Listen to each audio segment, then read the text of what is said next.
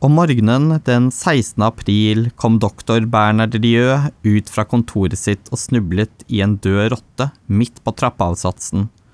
Han skjøv øh, bort dyret og gikk ned trappen, men da han kom ut på gaten, slo det ham at rotta ikke burde ha vært der, og han snudde for å gi beskjed til vaktmesteren. Da han hørte reaksjonen til monsieur, monsieur Michel, skjønte han hvor upassende oppdagelsen hadde vært.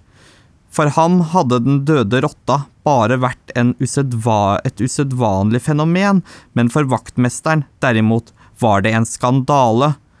Sistnevnte var kategorisk, det fantes ikke rotter i bygningen. Legen måtte gjerne påstå at det hadde vært en foran inngangsdøra i andre etasje, og at en antagelig var død, men monsieur Michel var like fullt sikker i sin sak. Det var ikke rotter i huset. Noen måtte ha tatt den med utenfra. Det dreide seg kort sagt om en dårlig spøk.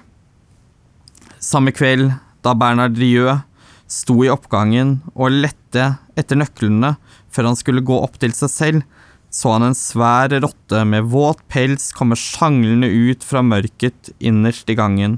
Dyret stanset, så ut som om det forsøkte å finne balansen, løp mot legen, stanset igjen, snudde seg rundt, med et lite skrik og falt til slutt om mens den spydde blod ut av den halvåpne munnen. Legen ble stående og stirre på den en kort stund før han gikk opp. Dette er eh, hentet fra veldig nært starten av Albert Camus' berømte roman 'Pesten', første gang utkommet i 1947 boken som eh, greide å bli en bestselger i ny norsk oversettelse våren 2020. Meg kan du kalle Kamerat E, og i løpet av den neste halve timen eh, vil jeg gjøre et tappert forsøk på å gå gjennom eh, disse drøye 300 sidene for deg, eh, slik at du forhåpentligvis ikke kan unngå å lese denne romanen. For det er en fascinerende roman. Eh, kanskje spesielt med det bakteppet vi har nå, med en global pandemi. Men jeg vil si at eh, Camus eh, i denne romanen, og det er mitt argument, tilfører så mange dimensjoner, så mange om og men, at det er umulig å lese dette som en bok bare omhandlende en by preget av pest, karantene og død. Camus er jo en stadig populær forfatter. Eh, veldig kort kan vi si om bakgrunnen, uten at vi skal gå altfor dypt inn i det. Eh, han var oppfødt og oppvokst eh, av en dels spansk familie i det fransk-okkuperte kolonien Algerie på tidlig 1900-tall. Han satset eh, en periode inn mot fotball før sykdom gjorde at han i stedet gikk over til journalistikk, eh, diktning og filosofi. Siden skulle han eh, bli, eh, gjøre kometkarriere, og eh, bli en del av eh, det franske radikale filosofiske miljøet rundt eh, Jean-Paul Sartre. og Camus greide å utgi mange bøker før han under noe uklare omstendigheter, altfor ung, allerede eh, i 1960 dør i en tragisk bilulykke. Han mottok for øvrig også nobelprisen for den som liker å ha den type fun facts som kan nevnes på quiz, eh, hvis spørsmålet er riktig, da, eh, i 1957. Camus har jo vært fram til nå en forfatter som mange har hatt en mening om, men kanskje ikke like mange har lest. En av denne lange rekken med forfattere. Og i Camus' forfatterskap er det jo noen bøker som står virkelig frem. Her kan vi nevne f.eks. den fantastiske og veldig korte romanen Den fremmede. Men vi kan også nevne andre eh, titler som for eksempel eh, Eksil og kongerike, eller Retten og vrangen, som er et eh, en, kjent som en mer filosofisk tekst. likevel er det pesten vi skal snakke om i dag, og vi har jo det siste året alle sammen i større eller mindre grad følt på denne følelsen av tilstedeværelsen av pandemi, sykdom, nedstengning, og hvordan livet vårt uh, utsettes for, uh, for disse kreftene.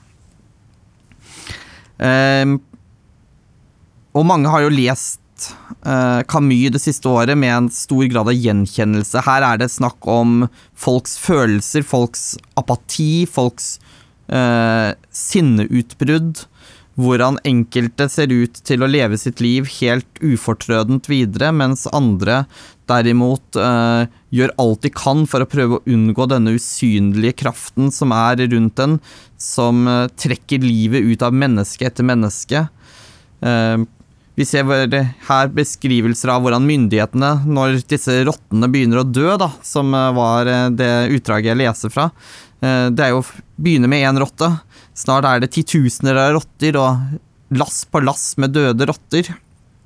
Før uh, myndighetene etter hvert begynner å spørre er det noe galt, er det noe vi kunne ha gjort bedre i denne situasjonen. Og så begynner jo folk å dø.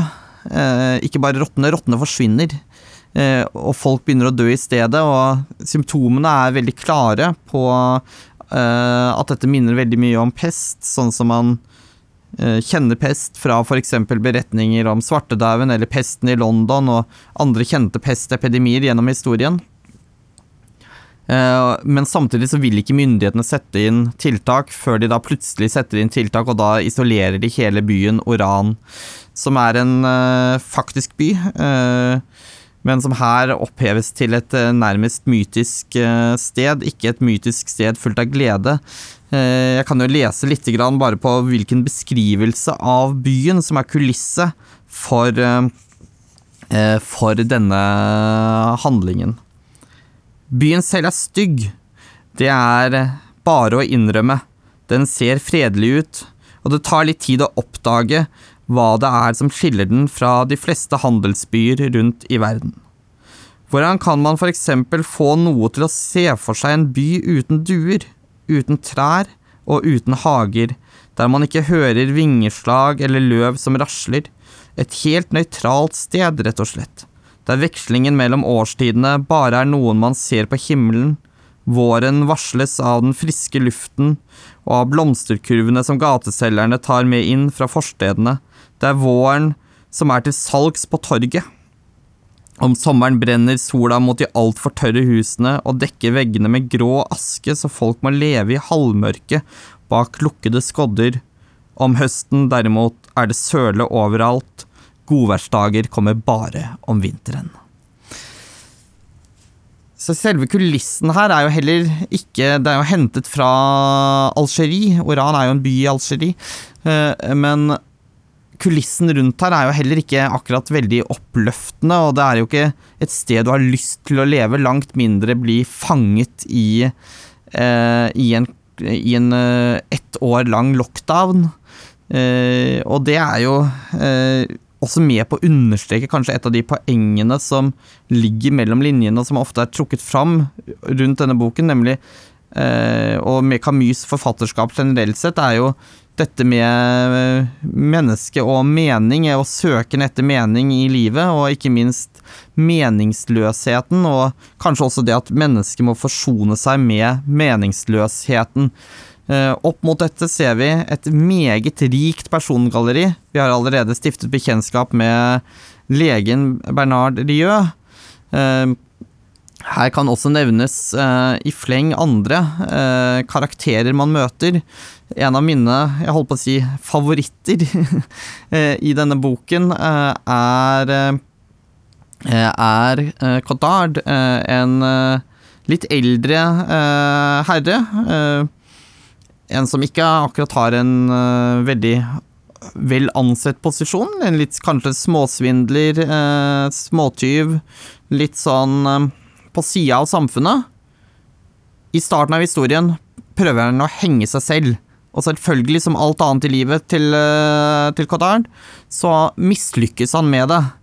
Eh, og Rieu eh, er liksom klar til å tilkalle politiet for at han da skal bli straffet, og kanskje eventuelt henrettet for eh, Ja, det var straffen for å prøvd å begå selvdrap.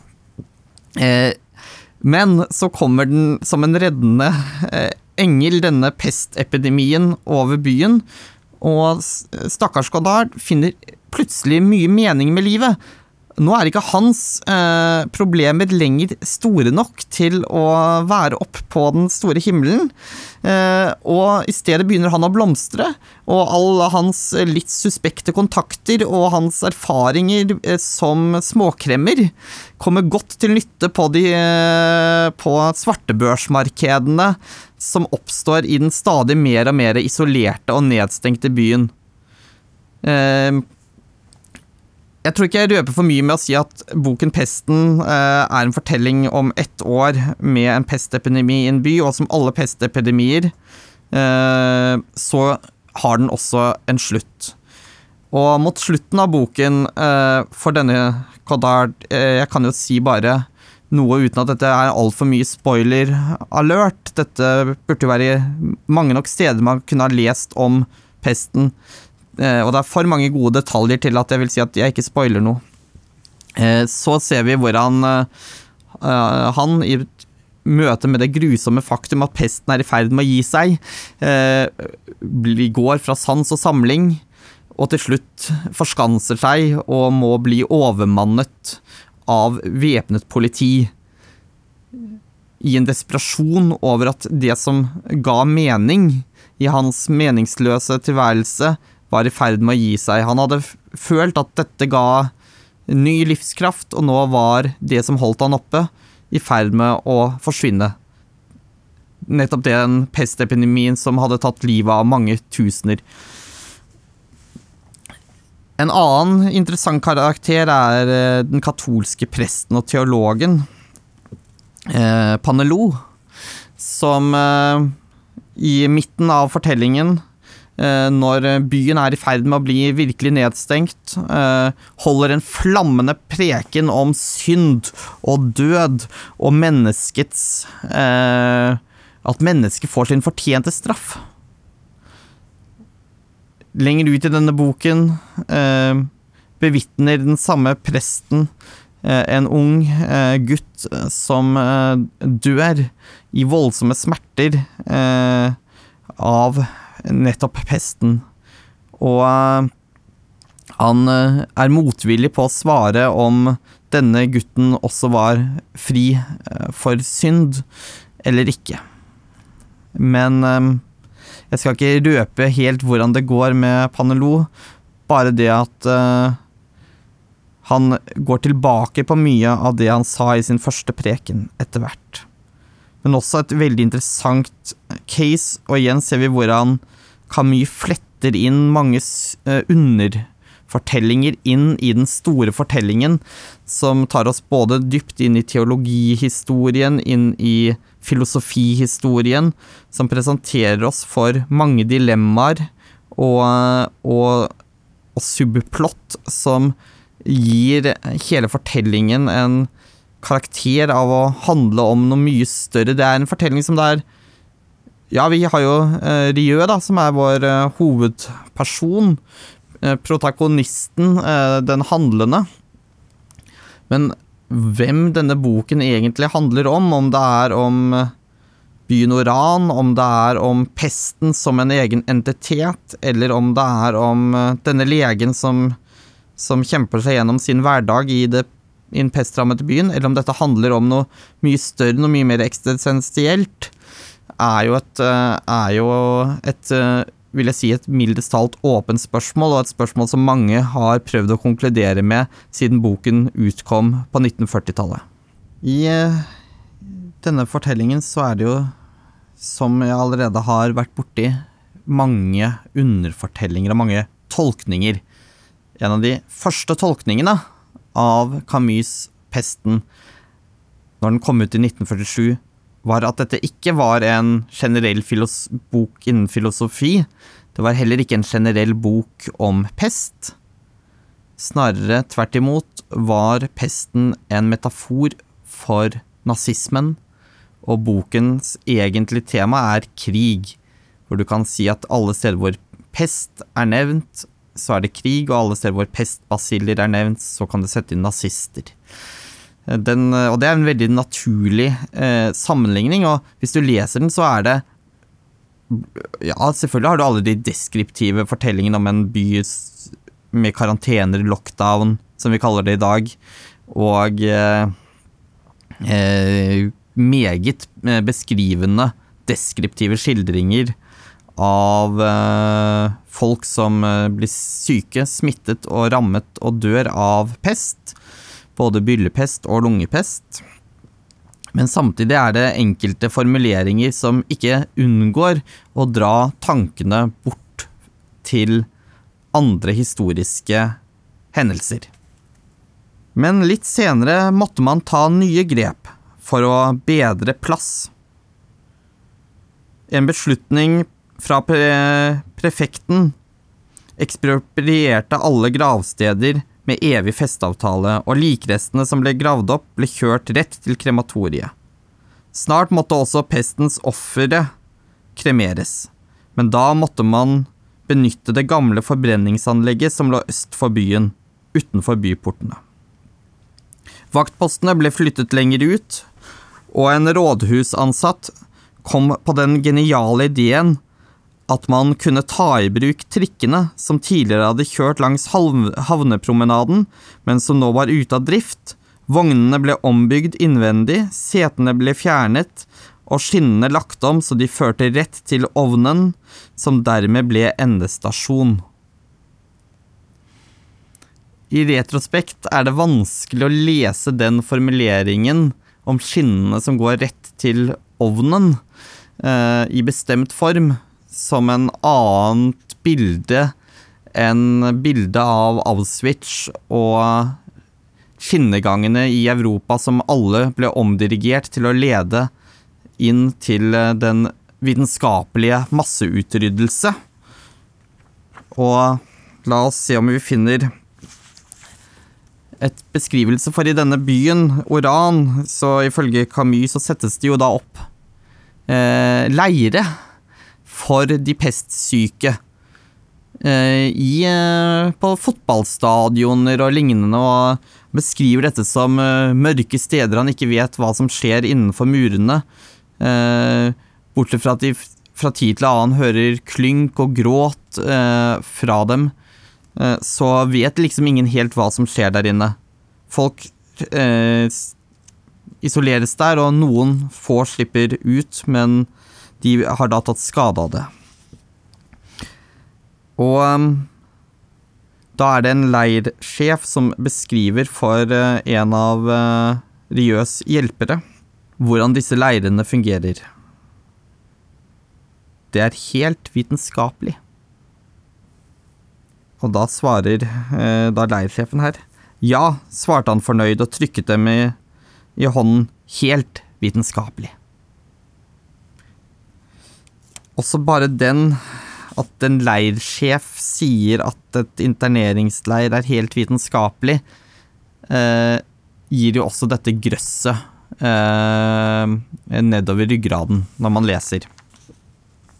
Videre mot slutten av boken eh, så ser vi at eh, dette også forsterkes når Tarot, en som eh, en litt mystisk figur som har dukket opp på hotellet eh, i Oran, og som etter hvert blir en del av motstandskampen mot denne pestepidemien, sammen med doktor Bernard Rieu, eh, kommer med sine bekjennelser om, om sin bakgrunn, og hvorfor han velger å dedikere seg i denne motstandskampen.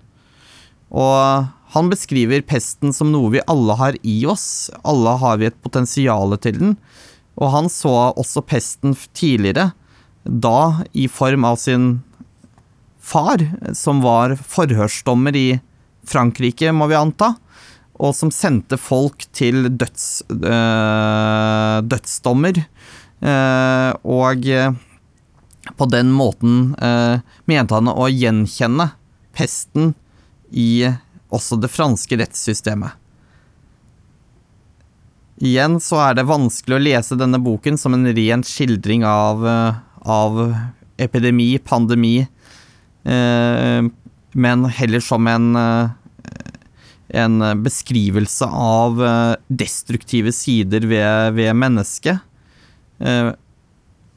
Og akkurat som krig ofte er fremstilt som noe som fra dem som ikke kjenner det, som ærefullt, er det også her beskrivelser av hvordan enkelte søkte mer å få medaljer for sitt arbeid heller enn å gjøre en særlig motstand.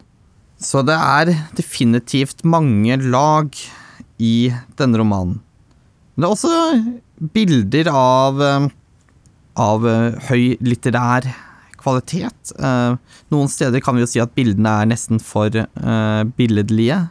Spesielt når vi et sted i boken følger et, et ungt menneske fra barnet utvikler de første sykdomstegnene til barnet dør i voldsomme smerter og krampetrekninger.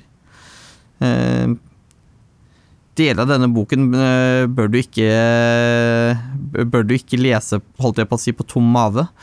Eller full mave, kanskje. Det er en en tidvis tøff bok å komme seg gjennom, men den er også, vil jeg si, til å inneholde så mye, så mange referanser, vært skrevet så mange artikler og avhandlinger. Vidunderlig lettlest. Med litt innsats så leser man den på et par-tre dager. Det er fullt mulig. Og det er en, jeg holdt på å si, en page-turner, selv om det hovedplottet i dramaet, en pestepidemi i en by, og en lege som drar rundt på sykebesøk i denne byen, i utgangspunktet ikke høres ut som en page-turner, så er det allikevel noe med den nye oversettelsen som gjør at språket glir så elegant, det er så fascinerende å lese og følge med, at jeg virkelig, virkelig vil anbefale alle å, å gjøre det. Og så er det noen sånne der bilder innimellom som er, er, fascinerende, og som får en til å tenke, hvor man da sitter med en sånn følelse av at uh, Camus leker uh, elegant uh, med, med, oss som, som leser. For midt inni denne her byen av tristesse, for i motsetning til hos oss, så er jo ikke Har de ikke liksom lagt ned total uh, Det er total lockdown. Hele byen er totalt isolert. De har innreiseforbud. Uh, ikke, bare, ikke bare sånn der karantenehotell. Men det de derimot ikke har gjort, er at de ikke har innført skjenkestopp. så det er jo mange beskrivelser av hvordan folk liksom vekslende går ut og, fester og ikke fester. En av de tingene som beskrives her, er jo da hvordan teaterne også holder åpent. Og da er det slik, eh, og jeg kan lese her De hadde vært i byens opera, der Orfeus og Evredike var satt opp.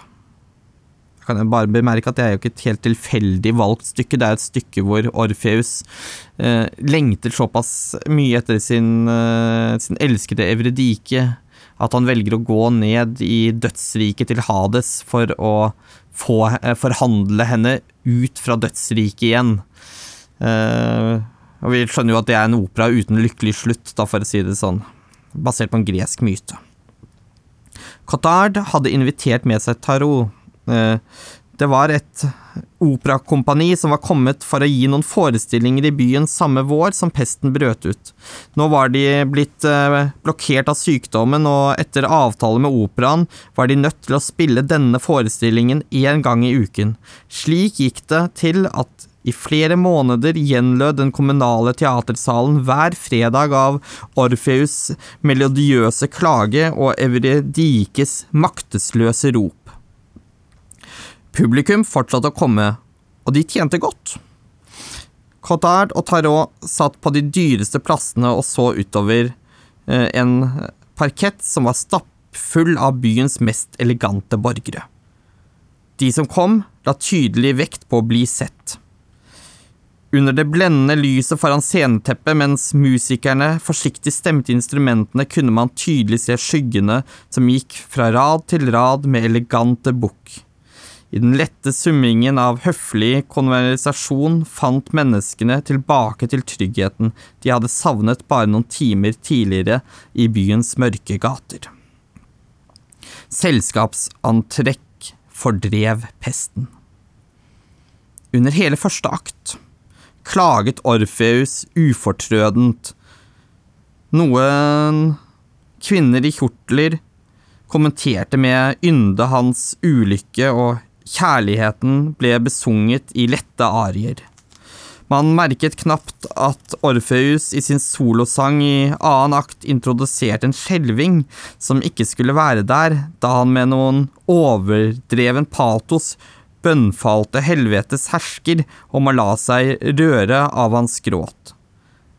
Enkelte litt brå bevegelser virket på det eh, mest sakkyndige som en stilistisk effekt som gjorde sangerens fortolkning enda mer overbevisende. Det var først i den store duetten mellom Orfeus og Evredike i tredje akt, i øyeblikket da Evredike forsvant fra sin elskede, at publikum begynte å bli forundret.